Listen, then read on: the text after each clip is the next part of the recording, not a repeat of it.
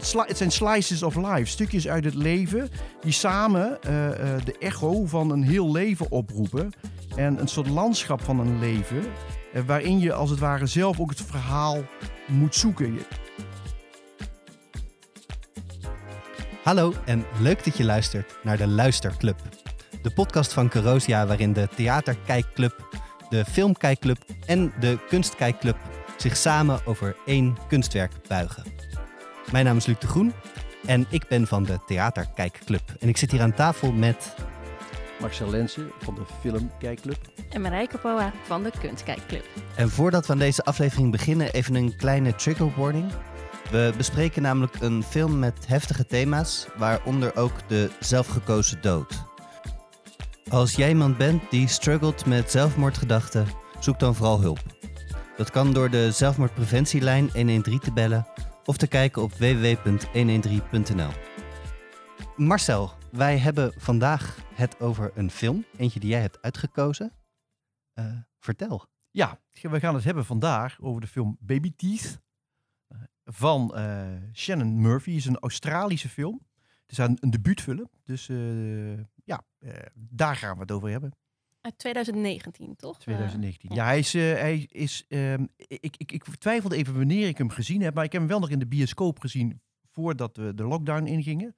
Eh, maar eh, eigenlijk moet hij nu dus nog echt gaan draaien. Want hij heeft nog heel weinig, eh, is nog heel weinig te zien geweest. Vanwege de corona-uitbraak. Vanwege de corona-uitbraak, vanwege de lockdown.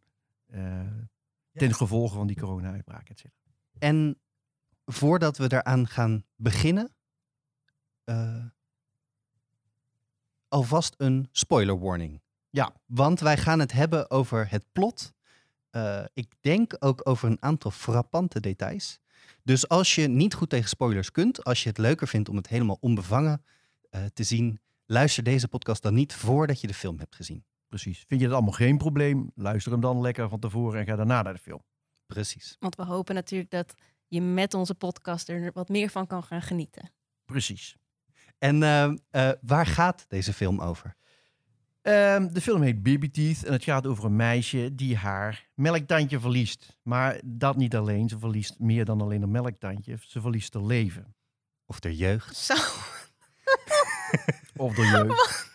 Of zij is de melktand die door de anderen wordt verloren. ja. Ik vind het wel een hele eh, beknopte omschrijving van het plot. Want Ja, hoe zou je dat dat- omschrijven? Waar die over gaat?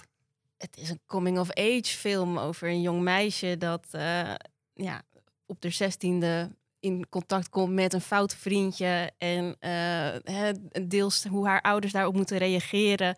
Ehm, en ondertussen is ze ook ziek, wat een rol meespeelt in eh, hoe haar ouders en haar vriendje een rol spelen in hoe zij opgroeit. Ja, nou, ik, het is niet zo dat ik dat ontken. Laten we daar even over eens zijn.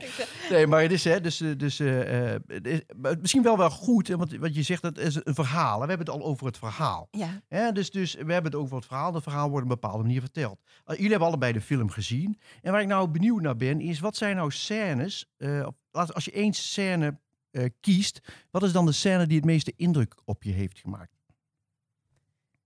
de scène die me het meest bij is gebleven. En dat komt door prachtige micro-expressies in het gezicht van de vader, de acteur die eh, de, de vader speelt. Wanneer het vriendje ochtends uit de kamer komt en, ehm, en de vader gewoon voelt, er is hier iets mis. En, eh, en de moeder is nog helemaal onbevangen. Die denkt van, nou leuk, eh, de vriendje is het kamer uitgekomen. Ik ga ontbijt maken en, en ik ga die kamer inlopen voor mijn dochter. Eh, van mijn dochter, sorry. Eh, en eh, je ziet van die vader bezinning van mijn dochter is overleden. En het is zo mooi, subtiel gespeeld. Ik heb hem teruggespoeld. Ik heb hem thuis gekeken, dus ik kon hem terugspoelen. Om gewoon nog een keer die scène te zien van waar was het dat die vader het wel gezien had. Dat hij al de, de, de aanwijzing heeft dat zijn dochter overleden is en, en die moeder niet. En dan zie je ook gewoon hoe prachtig die, het vriendje het speelt. Hoe, hè, die, dat hij heel nonchalant eigenlijk gaat doen alsof hij een sigaretje gaat roken. Maar er staan tranen in zijn ogen en in één keer bevriest die vader. En je ziet spanning in zijn hele lijf, in zijn gezicht. En hij bevriest gewoon met een glas water in zijn hand. En dan nou, ondertussen eh, dartelt die moeder om hem heen en pakt dat glas wel over en die gaat lekker ontbijt maken en brengen naar die dochter zijn kamer. En dan komt ze huilend terug en dan zie je die moeder terugkomen, die barst in huilen uit. En je kijkt vanaf de rug, vanaf de vader eh, de kamer in en je ziet alleen zijn schouders een beetje op en neer ehm, schudden. En dan je, je weet gewoon, hij is nu aan het huilen en aan het snikken. En zichzelf eh, aan het eh, gereed maken om die kamer ook in te gaan. En dat, die scène, die, nou, Wat ik heel mooi vond aan, aan die scène is eigenlijk de, eh, de zelfbeheersing die de film tot die tijd heeft gehad om het emotioneel te maken. Dus het is, een, het is gewoon een super emotioneel thema. Het, het gaat dus over een meisje van 16 die, die terminaal ziek is. Eh, dat wordt eigenlijk al heel snel duidelijk in het begin dat, dat ze een terugval heeft gehad, dat ze weer aan de chemo moet. Eh, en eigenlijk voel je al vanaf het begin, ze gaat dood. Maar de film lijkt daar soort emotioneel nog niet echt aan te committeren. Het lijkt nog een soort... eh, het wordt de hele tijd niet echt emotioneel ingezet. Het, het gaat over haar uitspattingen, dat ze met een fout vriendje... eh, soort, soort steeds verder een, een soort eh, ja, laatste roep naar de wereld wil doen dat ze heeft bestaan. En daar op het einde voel je opeens dat, dat de film toch laat zien wat een gigantische emotionele impact dit verhaal heeft. En doordat dat zo spaarzaam is gedaan daarvoor, doordat het wel de hele tijd erover ging, maar ook door, door montage en door soort, nog een paar elementen waar we het misschien zo meteen over kunnen hebben, blijft het, heet het soort ingehouden emotioneel en niet echt tot een uitbarsting, tot dat einde, waarop in één keer soort de, ja, de, de, de tranen worden aangezet en, en je het volle gewicht van het drama pas echt voelt. Ja, maar je zegt het, eh, eigenlijk wordt daar ook niet eens het, de emotie extreem uitgemolken, om het zo maar te zeggen. Hè? Dus, dus, dus, dus inderdaad wat jij ziet, je kijkt door die schouder van die vader, die, dus je vult het zelf in. Hè? Je vult die emotie als het ware zelf in. En die moeder, die, wordt, die is ook niet, je ziet eigenlijk niet haar verdriet, die wordt boos op dat vriendje. hè. Dus, dus Maar eh, dat past wel weer heel erg bij hoe zij eerder in de film wordt omschreven. voilà. Die vader zegt al van eh, eerder in een scène met die moeder van jij neemt zoveel ruimte in met eh, het omgaan Mhm. met de ziekte van onze dochter dat ik er eigenlijk niet kan zijn. En dan dat zie je ook eigenlijk in die scène dat ze dan dus overleden is en dan moeder eigenlijk een scène aan het schoppen is en eh, ja, ruzie zoekt en, en, en nou niet hij ook het verdriet voelt, maar het vooral om zichzelf laat draaien. Van ik heb geen afscheid kunnen nemen. Ik heb eh, haar niet de laatste a- knuffel kunnen geven. Maar dat heeft het vriendje gedaan. En vader is heel ingetogen bij die dochter eh, om zijn afscheid te nemen. En zelfs daar hoort hij de hele tijd zijn vrouw vooral schreeuwen. Hij hoort haar en dat, dat toont dus heel mooi hoe, ehm, hoe precies hoe hij omschrijft van zij neemt heel veel ruimte in. En, en dat ook in het verlies daarvan eh, zie je dat weer terugkomen. Maar even nog terugkomen op wat jij zegt van die emotionaliteit. Hè? Dus er zit een, er zit een, een, een, een dubbelheid. Hè? Dus die, eh, dat drama, zeg maar, die pijn, ehm, die wordt eigenlijk steeds, daar wordt eigenlijk steeds omheen gecirkeld. Hè? Dus er wordt omheen gecirkeld dat iemand bijspreekt. Die moeder wordt boos op die jongen, terwijl ze eigenlijk, hè, dat is eigenlijk een metafoor voor haar pijn. Die vader is verstild en aait haar, doet haar pruikje af terwijl ze daar dood in bed ligt. Dus de, ook daar, is, daar zie je ook eigenlijk als het ware, hij, hij, hij breekt niet open in een schreeuwende pijn. Ja, op het laatst, in de allerlaatste scène, als ze afscheid nemen en zij vraagt, wil je even lachen? Dan is die lach nou, doortrokken van pijn. Dus die vader Ja. doet dan nog een poging. Eh, dat meisje maakt een foto van haar vader in plaats van, hè, terwijl die vader natuurlijk het meisje heel graag wil fotograferen om haar vast te pakken. Dat is de slotscène De slotscène waarin je eigenlijk nog een flashback krijgt van toen ze nog leefde. op het strand. Hè, een flashback eigenlijk van eh, toen ze nog leefde op het strand. En ze eigenlijk haar laatste herinneringen willen vastleggen van elkaar. Maar die ambiguïteit, hè, die dubbelheid, die, die zit overal. Daar is deze, deze film van doortrokken. Hè, iedere scène, als het ware, eh, is doortrokken van, eh, van, van dubbele signalen. Dus eh, moeder en dochters maken samen muziek. Iets wat, wat ze de hele film hebben uitgesteld. Wat ze heel graag willen. Wat die moeder heel graag wil. Wat die moeder steeds ontwijkt. En op het laatst geeft ze bijna als een cadeautje haar moeder. Laten we samen muziek maken. En ehm, op dat moment, in dat hele gevoelige moment dat ze samen muziek maken, wordt dat hard onderbroken doordat het overbuurmeisje, die hoogzwanger is, moet gaan bevallen. Dus dat die hele scène wordt in één keer rats, door, daar wordt er keihard doorheen gegaan. Da- daar, daar zit die hele film van doordrongen. De continu heel rustig momentjes die dan in één keer weer door een heel abrupt moment de volgende scène eh, heel abrupt begint. Eh, of inderdaad binnen een scène heel abrupt begint. De film is doordrenkt, inderdaad, met tegenstrijdige eh, emoties binnen scènes. Voor mij is, die, is ook dat teruggetrokkene is niet alleen maar in de middelen die de film zelf ten hande neemt, maar ook wat de film bij mij als toeschouwer neerlegt. Dus het is niet eens zozeer dat ik de film niet emotioneel vind, maar Nee. dat ik zelf niet emotioneel ervan werd tot het einde.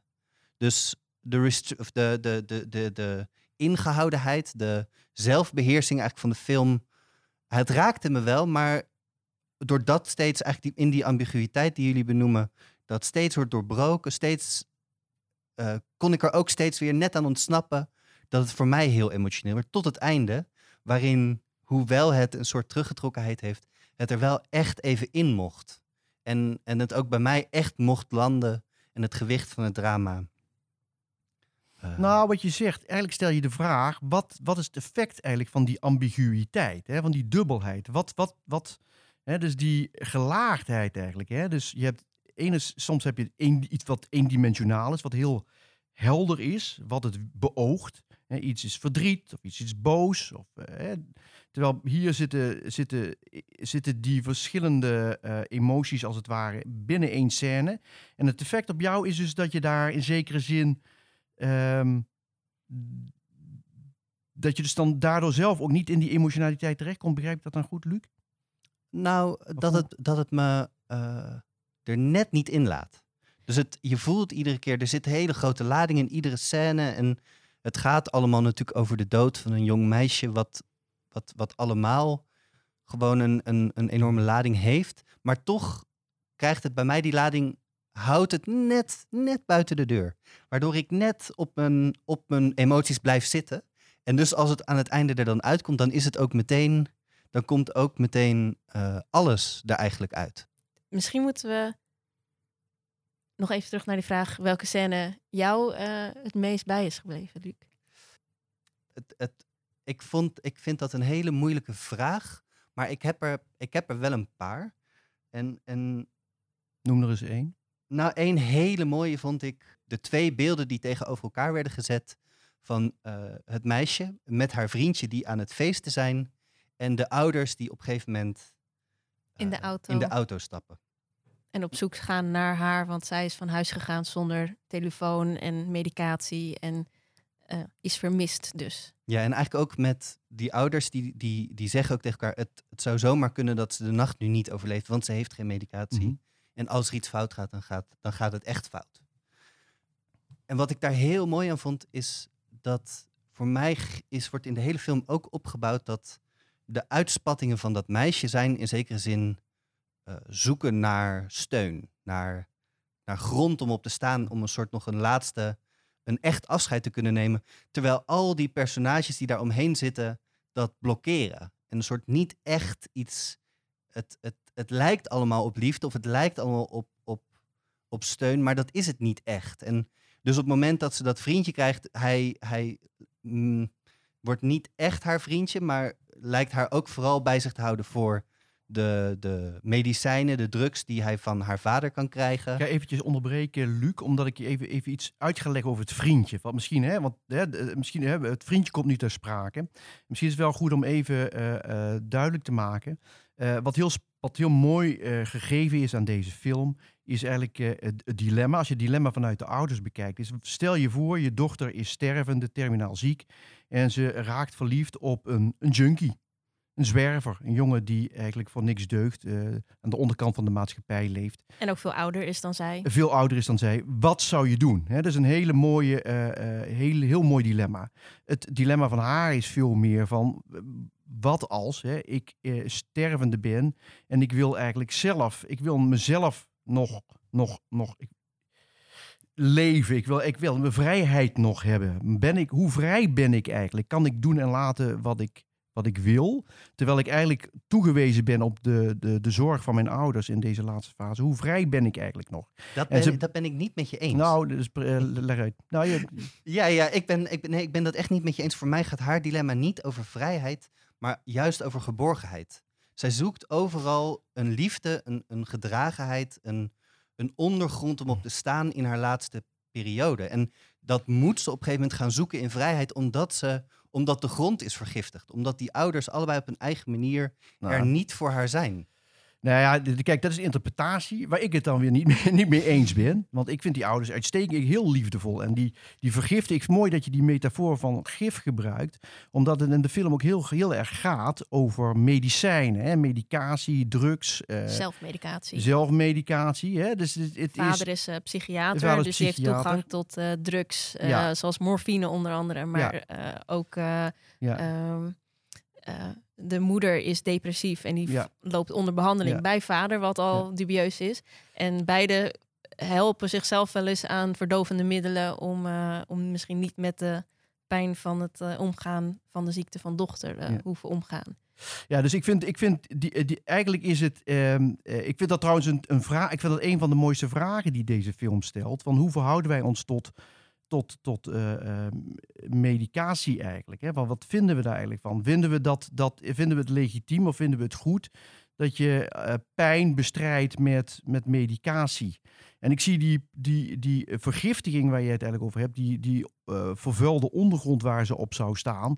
Ja, iedere ondergrond is vervuild. Niemand staat op ge- gezonde grond, vind ik. Dus ik vind dat eigenlijk niet zo spannend. Ik vind het veel spannender dat, dat, dat zij die, die pijn, dat die ondraaglijk voor hen is. En dat ze, dat ze dus, ja, je kan dat vluchten noemen, dat ze, dat, dat ze dus zichzelf moeten verdoven. En dat, die, dat is.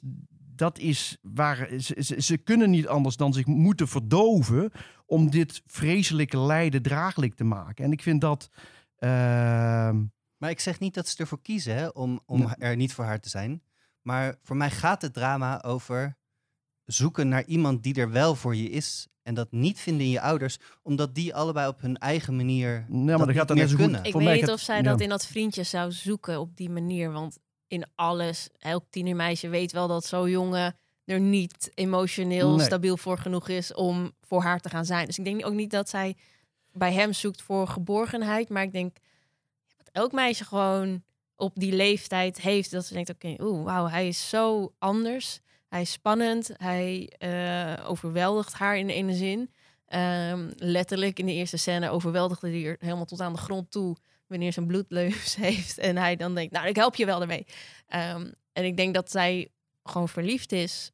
En inderdaad, dan krijg je wat elke ouders eh, van een tienermeisje hebben met een meisje dat met een oudere foute vriend thuis komt. Dat je dan denkt, in hoeverre gaan we hem afstoten? In hoeverre gaan we hem omarmen om dochter niet af te stoten en te blijven omarmen?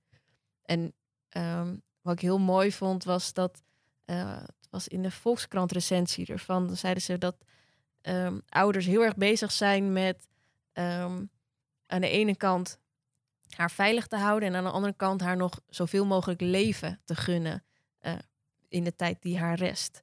Maar er is hier wel iets interessants, omdat we dus denk ik een andere interpretatie hebben. Dit is, dit is denk ik ook heel typisch voor het kijken naar kunst. Dit is, Hoort bij eh, films kijken sowieso ook. Er zijn altijd andere lezingen van, inderdaad. als je door het luisteren van deze podcast benieuwd bent geworden naar de film Baby Teeth, dan kun je die kijken op onder andere Pathé Online, Cinetree en Pickle. Je hebt dus enerzijds het verhaal en anderzijds heb je de stijl waarin het verhaal verteld wordt. Eh, het verhaal kun je dan ook nog uitspinnen in hoe het, hoe het opgebouwd is en eh, meer van wat de thema's zijn binnen het verhaal.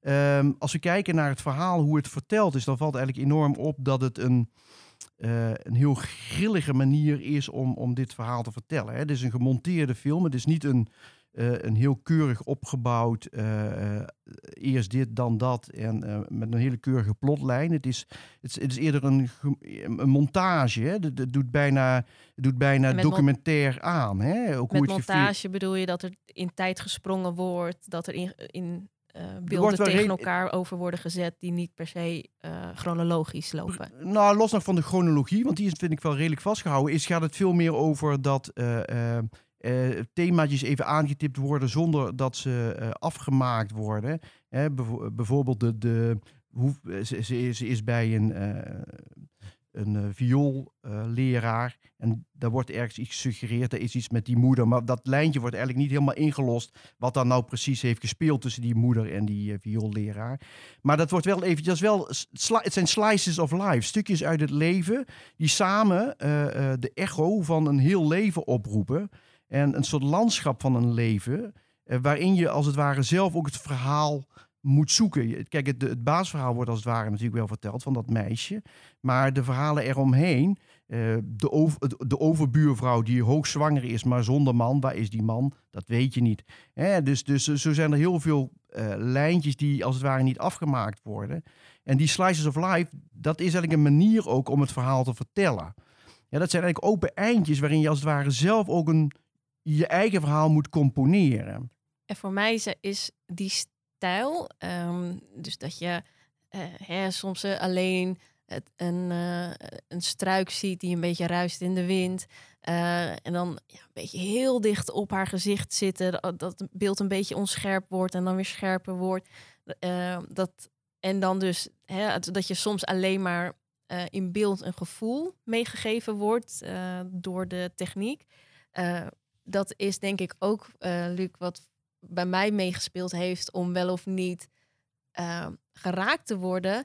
In dat het een hele typische manier van filmen is van arthouse films. Het is vaak die coming of age, hè, dat, dat, dat je volgt hoe iemand opgroeit. Dat is heel vaak met deze eh, beeldelementen eh, zo verteld. En daardoor heb ik soms dat ik dan wat afstand voelde tot de film. En ik denk, ja, ik ken dit trucje. Ik ken het, het gevoel dat je wil overgeven. Het is een heel mooi poëtisch beeld, maar het, het wordt wel vaak gedaan op die manier. En dat haalde mij dan soms er een beetje uit, omdat ik denk van ja, Nou, een mooi voorbeeld daarvan is dat eh, op een gegeven moment krijg je... Het film is ook opgebouwd met allemaal hoofdstukjes, hè, kleine hoofdstukjes. Hè. Ja. En een van die hoofdstukjes heet dan bijvoorbeeld What the Death Said to Milla. En dat is dan een, een kort momentje eh, wat de dood eh, Milla vertelde. Ja, en dan zie je eigenlijk inderdaad wat jij eigenlijk beschrijft. Zo'n heel mooi poëtisch eh, lichtje op haar van... Er gaat van alles in haar hoofd om en ze denk- lijkt ergens aan te denken. Maar waar ze precies aan denkt, dat, dat krijg je, dat wordt eigenlijk niet ingelost. Ehm, maar ik vind dat wel interessant. Wat denken jullie dat de dood haar heeft verteld? oh my god. Heb je daar een idee bij? Ik denk dat het dat de dood haar verteld heeft dat het goed is en rustig is. En dat is ook. Ehm, Waar baseer jij? Hoe kom je? zeg ja, maar- ja sorry. Ja, nee, dat- ja, ja. Daar kom ik op. Want dat is ook wat zij vervolgens in het slotscène Mhm, met haar mhm. vader eh, zegt. Dan kijkt ze naar de lucht. En ehm, in die scène die jij net omschrijft, dan zit ze op haar bed en dan kijkt ze naar buiten door het raam. En er valt dus een klein beetje zonlicht op haar gezicht, op één oog van haar eh, gezicht. En, ehm, en dan zie je dus haar hele inwendige ehm, dynamiek eh, zie je gebeuren op haar gezicht. En daarna op het einde zie je een scène dat ze dus met haar vader op het strand staat. En dan wil ze een foto maken van de lucht. En dan zegt ze, ehm, ik denk dat het heel fijn is om straks daar een stukje van uit te gaan maken. eh, van de lucht, de hemel. En dus ik denk dat... ehm, en daarna kijkt ze naar haar vader en dan zegt ze, ik ben moe. En dan zegt papa tegen haar van, wij gaan het wel redden zonder jou. Het is oké, je, je kan gaan als je wil gaan. En eh, nou, die scène brak me. Maar eh, d- ik denk dat daar dus heel erg die scène van What the Dead Told Her... dat het oké is om te gaan en dat het veilig en rust gaat geven. Mhm. Ik zou hem helemaal anders willen insteken. Voor mij was dit bijna een grapje. Namelijk, eh, ehm, wat de dode haar vertelde, was eigenlijk een hele korte scène waarin zij. eh, waar, waar voor de rest namelijk ook de hele tijd.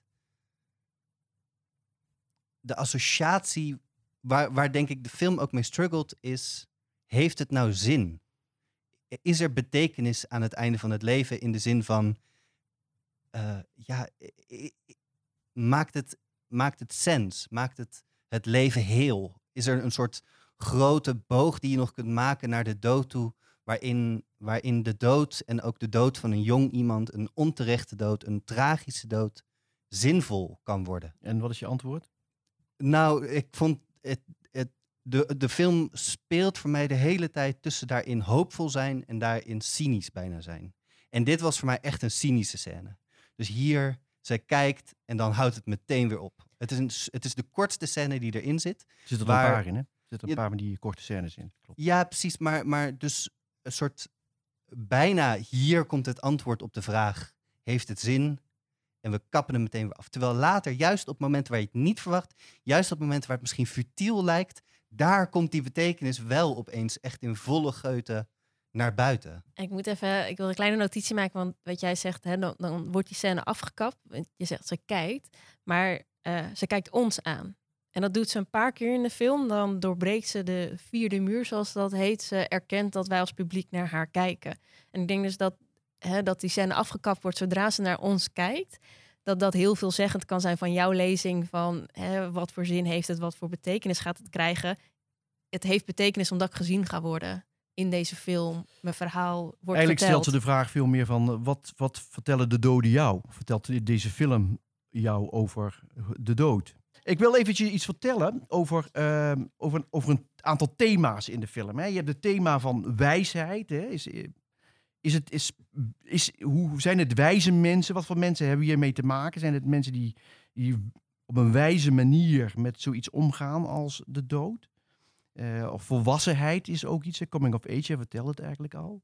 Een ander thema is, is, is ook iets haat, zelfhaat. Hè? Bijvoorbeeld wat je, wat je tegenkomt bij het vriendje van haar. eh, de, de, de, de liefde van het leven en het, liefde, en, en het haten van het leven.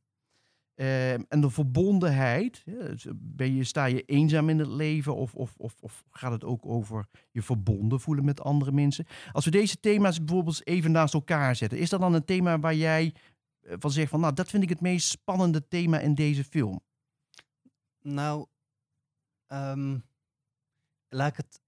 Volgens mij, wat, wat de film ook heel slim doet, is de hele tijd dus ehm, die thema's in paren nemen en die paren tegen elkaar uitspelen. Bijvoorbeeld wijsheid en zelfhaat. Of een soort, eh, dus eh, hoe ik het net meer interpreteerde als cynisme en hoop. En, en een hele een scène waar ik dat heel erg in samen vond komen, is de, eh, ook, ook tegen het einde, maar nog de scène waarin zij aan haar vriendje vraagt of haar wil verstikken eh, met een kussen. Omdat het, zij voelt denk ik op dat moment al aan dat het einde nadert, maar vraagt hem het te doen. En vraagt hem er nu een einde aan te maken. En dat is zo tegelijkertijd vraagt ze hem ook zichzelf te offeren. Maar wat voor dingen zet ze dat dan tegenover elkaar? Nou, dus aan de ene kant ook soort de, de offervraag. Eigenlijk zegt ze nou, hij vraagt namelijk waarom kan je vader het niet doen? Dan zegt ze, hij zou dat niet aankunnen. Mhm. En eigenlijk zit daar voor mij ook de, de- de, de opmerking onder, hij mag niet hieraan ten onder gaan. En jij wel. Dus aan de ene kant is het ook een gebaar van liefde. Ik wil dat jij mijn leven neemt en, en het beëindigt, het lijden beëindigt.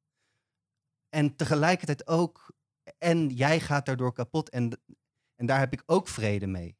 En, En- als kijker denk je ook echt, hoe durf je dit te vragen? Hij is net weer nuchter geworden en hij is er voor je. En hij vertelt je net over zijn eigen trauma met zijn vader, verlatingsangst. En dan vraag je hem gewoon weer, kan je jezelf weer helemaal de vernietiging inwerken door het trauma te moeten ondergaan, mij een verstikkingsdood aan te doen. Waarbij ze ook zegt van, ik ga tegenstribbelen en je moet me maar gewoon doordrukken totdat ik stil lig. Sorry, trouwens, dames en heren, doe dit niet als je twijfelt over eh, zelfdoding of iets dergelijks. Zoek hulp en bel 113 hiervoor. Ehm, maar het vriendje die zegt dan van, kan je dan niet gewoon beter morfine via je vader eh, eh, krijgen? Dat is veel vredelievender dan dat ik je nu ga verstikken. En dat is zo'n wrange scène. En dan, nou ja, dat je dan denkt, van, het is echt, ze doet het hem echt aan dan. En Ja, en ook, ook de cruwe conclusie die het krijgt, namelijk ze probeert het en, en, en of hij probeert het en ze stribbelt inderdaad tegen en het lukt niet. En eh, een soort de, de, ja, de tegelijkertijd schoonheid van dat ze de dag daarna zelf is gestorven. Dus de nacht, hè? De Diezelfde nacht, dat ze in die nacht zelf is gestorven. En dat het niet is gelukt. Nou, kijk, wat, wat, wat die vader, ik vind dat wel interessant wat je zegt over die vader. Hè? Die, die vader, mm, ik wil het hem niet aandoen, zegt ze. Hè? Eh, eh, eh, het gaat, dat, dat vind ik ook heel erg mooi hoor. Ik, vind, ik, vind, ik ben het met je eens.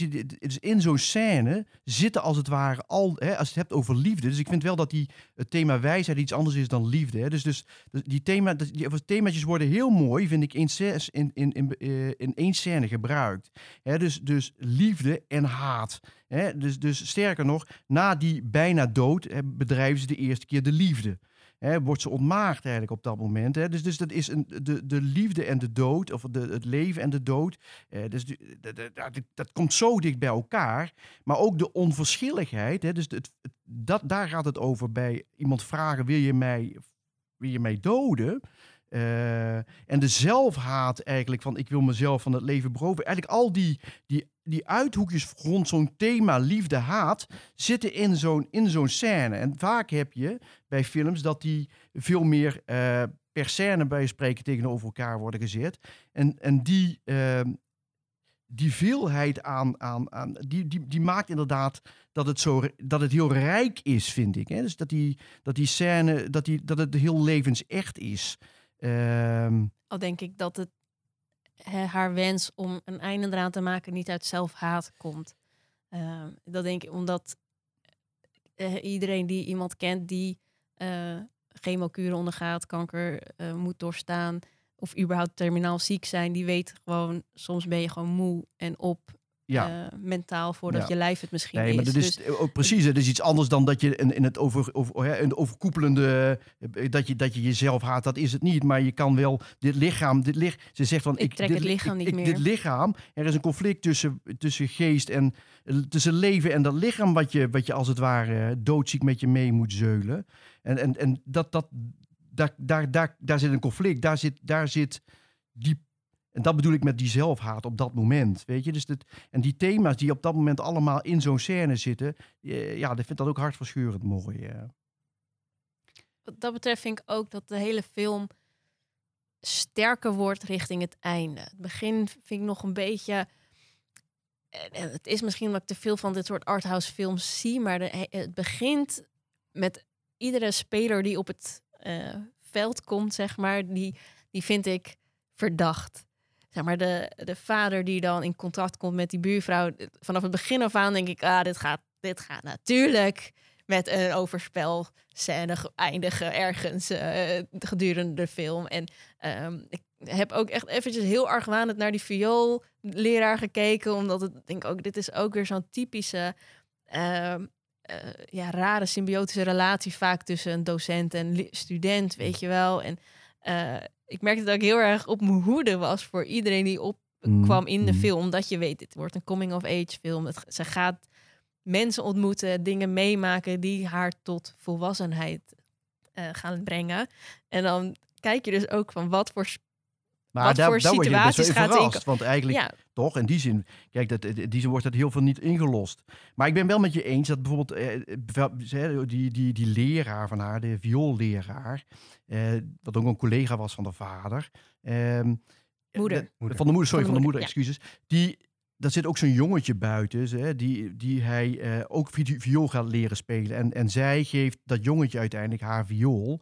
Ehm, dat, dat is ook wel heel romantisch eigenlijk. Hè? Dus dat is bijna, dat, dat heb je ook een beetje, denk van, oh, dat is dus ook wel heel zoet, zoet daarin. Hè? Van hoe, de, hoe, ze, hoe, die, hoe hij met dat jongetje omgaat. Dit is misschien nog wel goed om ook even bij stil te staan. Coming of age drama's. Dit is, dit is eigenlijk overkoepelend zelfs nog over discipline en genre heen. In alle kunst heb je ja, het idee van coming of age. Het, het, het groter dan leven, het, het, het, de riet, de passage, de, het overgangsritueel naar de volwassenheid. En in het theater heb je bijvoorbeeld Romeo en Julia. eh, en dat gaat bijna altijd inderdaad gepaard met, eh, met de allergrootste emoties. Daar kun je een soort iemand moet, moet de dood in de ogen kijken, moet ouders verliezen, moet, moet de liefde leren kennen. En dat is allemaal coming of age.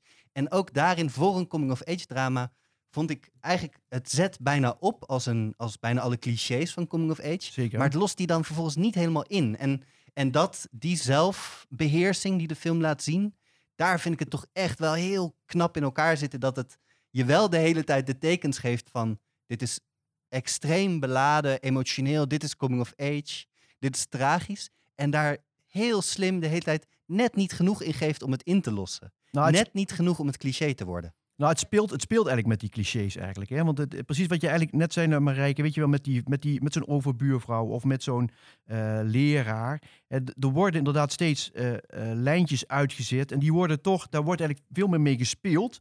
En ze worden niet echt ingelost. En, en, hè, de, en, en tegelijkertijd kun je dat z- zien als een slechte manier van vertellen, maar tegelijkertijd kun je het ook zien als eh, op een That's leuke life. manier beetgenomen worden. Ja, zo is het leven ook. Je kan niet alles eh, van anderen zien. Nee. Wat ik trouwens interessant vind, is dat de regisseur eh, Shannon Murphy, eh, zij heeft hiervoor, dit is haar speelfilmdebuut, Ja. en zij heeft hiervoor gewerkt aan de televisieserie Killing Eve. Ja. En eh, Killing Eve, daar eh, een van de medeschrijvers daarvan is Sophie Waller-Bridge. En ehm, Sophie Waller-Bridge is weer een schrijver, filmmaker, seriemaker die ehm, de serie Fleabag heeft ontwikkeld.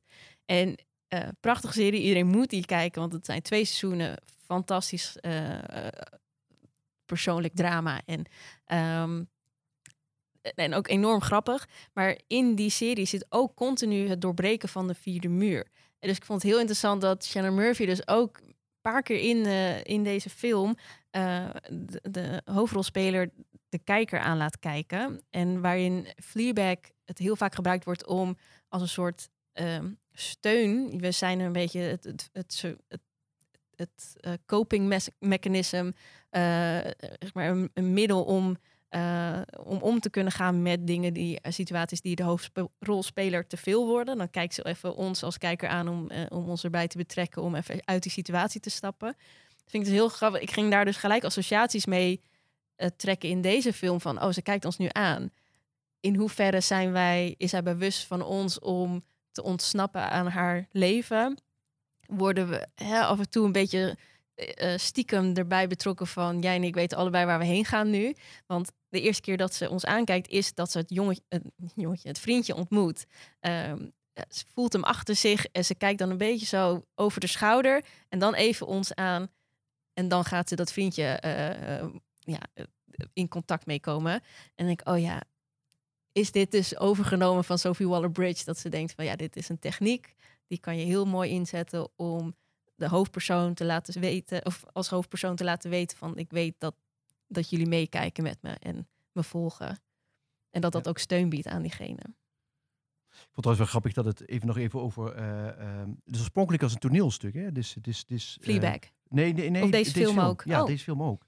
Hè, dus, dus, dus, dus, dus de bewerking eigenlijk van een, eh, van een, van een toneelscript. Even, in, reactie ook dat jij zei van. Het heeft ook wel veel te maken. Of, hè, dus, de grote toneelthema's hè, van eh, Coming of Age. Ehm, die gemonteerde stijl, weet je, dat, dat, dat kom je ook veel terug in. En ook bij, het doorbreken van de vierde wand natuurlijk. Zijn ook echt bij uitstek dingen die je natuurlijk veel tegenkomt in, in toneel. Ehm, terwijl die, die titels, zal ik maar zeggen, hè, de, de, het, eh, is weer heel Brechtiaans als het ware. Hè? Dus dat je in Dus- deze scène gaan we zien eh, hoe de dood iets tegen. Eh, en dan zie je het vervolgens niet, maar de, daar wordt wel mee gespeeld, waardoor je eigenlijk als het ware de vraag in je hoofd op, op, eh, eh, gesteld krijgt van wat zou de dood haar verteld hebben. Ja, Ja, dus dat, Even, even eh, Brechtiaans. Het gaat over Bertolt Brecht. Oh ja, een, precies, grote toneelvernieuwer uit de 20e eeuw. Die in Duitsland en Amerika werkte. En die eigenlijk be- bekend vooral is van het doorbreken van die vierde wand in het toneel. en de vervreemding het- eigenlijk, hè? Vervreemding. Ja, en het vervreemde dus van je, het, eigenlijk het, het, het, Deelgenoot maken van. ja, en het bij het publiek neerleggen. Dus niet alleen zelf, niet als, als dat toneel je de boodschap overbrengt, maar dat de boodschap eigenlijk verwarrend wordt. En dat je daardoor zelf gaat nadenken over wat, er, wat het, en eigenlijk uit de emotie gaat. En, nou, en mooi is wat jij, en dan kom je toch een beetje bij hoe jij begon. En dat is van, ik word er in, in eerste instantie de, de discipline over deze film. En dat is eigenlijk precies ook wat, wat er steeds gebeurt. Doordat je die verschillende eh, elementen van een thema in een scène ze- eh, propt. Word je eigenlijk zelf aan het werk gezet van hoe verhoud jij je daartoe. Dus eh, hoewel het eigenlijk best een film is die je eh, vraagt om identificatie en je hem in het verhaal zuigt, zou ik maar zeggen, realistisch is, is zitten er wel degelijk die Brechtiaanse vervreemdende elementen in, waarin je als het ware zelf aan het werk gezet wordt om, om er je eigen mening over te vormen. Juist door die elementen tegenover elkaar te zetten. Dus in die zin is het heel uh, Brechtiaans ook. Ja, en waar Brecht natuurlijk van bekend is, is dat het niet gaat om het voelen, maar om het denken. denken en om het iets, iets, iets voorgeschoteld krijgen wat uiteindelijk, wat niet alleen maar via het gevoel gaat. Niet alleen maar, maar is wel goed. Ik denk, het is niet louter natuurlijk alleen maar een soort. Uh, en dat is hier natuurlijk wel, ja. ja hier uiteindelijk, ik denk in de, in de laatste scène toont het stuk zich ook, of toont de, de, de film, ik noem het al bijna een toneelstuk, toont de film zich toch heel erg uh, uh, betrokken en emotioneel. En, en toont het eigenlijk dat, dat, hoewel die vervreemding erin zat, het uiteindelijk wel echt een emotionele, geladen boodschap heeft. Ja. Dat ben ik met je eens. Ik vind in die zin ook een hele moderne film, nog even misschien als, als afsluiting. Dat het, dat het voor mij dus niet gaat over goed en slecht. En de, soms is dat wat clichématiger neergezet. Ik vind het, deze mensen zijn allemaal zo. Ik, ik bedoel, ik hou van ze allemaal, zou ik maar zeggen. Het is niet dat ik, hè, hoewel ze allemaal rafelrandjes hebben, eh, vind ik het ook. Eh, gaat het voor mij ook over wijsheid. Of mensen die, die, die, uh, die op een rijke manier in het leven staan. En, en het leven proberen in volle, volle pijnlijke tegenstrijdigheden te, te absorberen. En daar voor zichzelf een zin in te vinden om, om, om, om daarmee te dealen. Dat vind ik eigenlijk wel heel erg mooi, maar ook troostrijk. In die zin vind ik het ook een troostrijke film. Bedankt voor het luisteren naar de Luisterclub. Deze podcast is gemaakt door Corosia, Theater, Expo en Film. Je hoorde mij, Luc de Groen, Marcel Lensen en Marijke Poa. Meer informatie over wat we bespraken kun je vinden op www.cultureelcentrumcorosia.nl slash shownotes.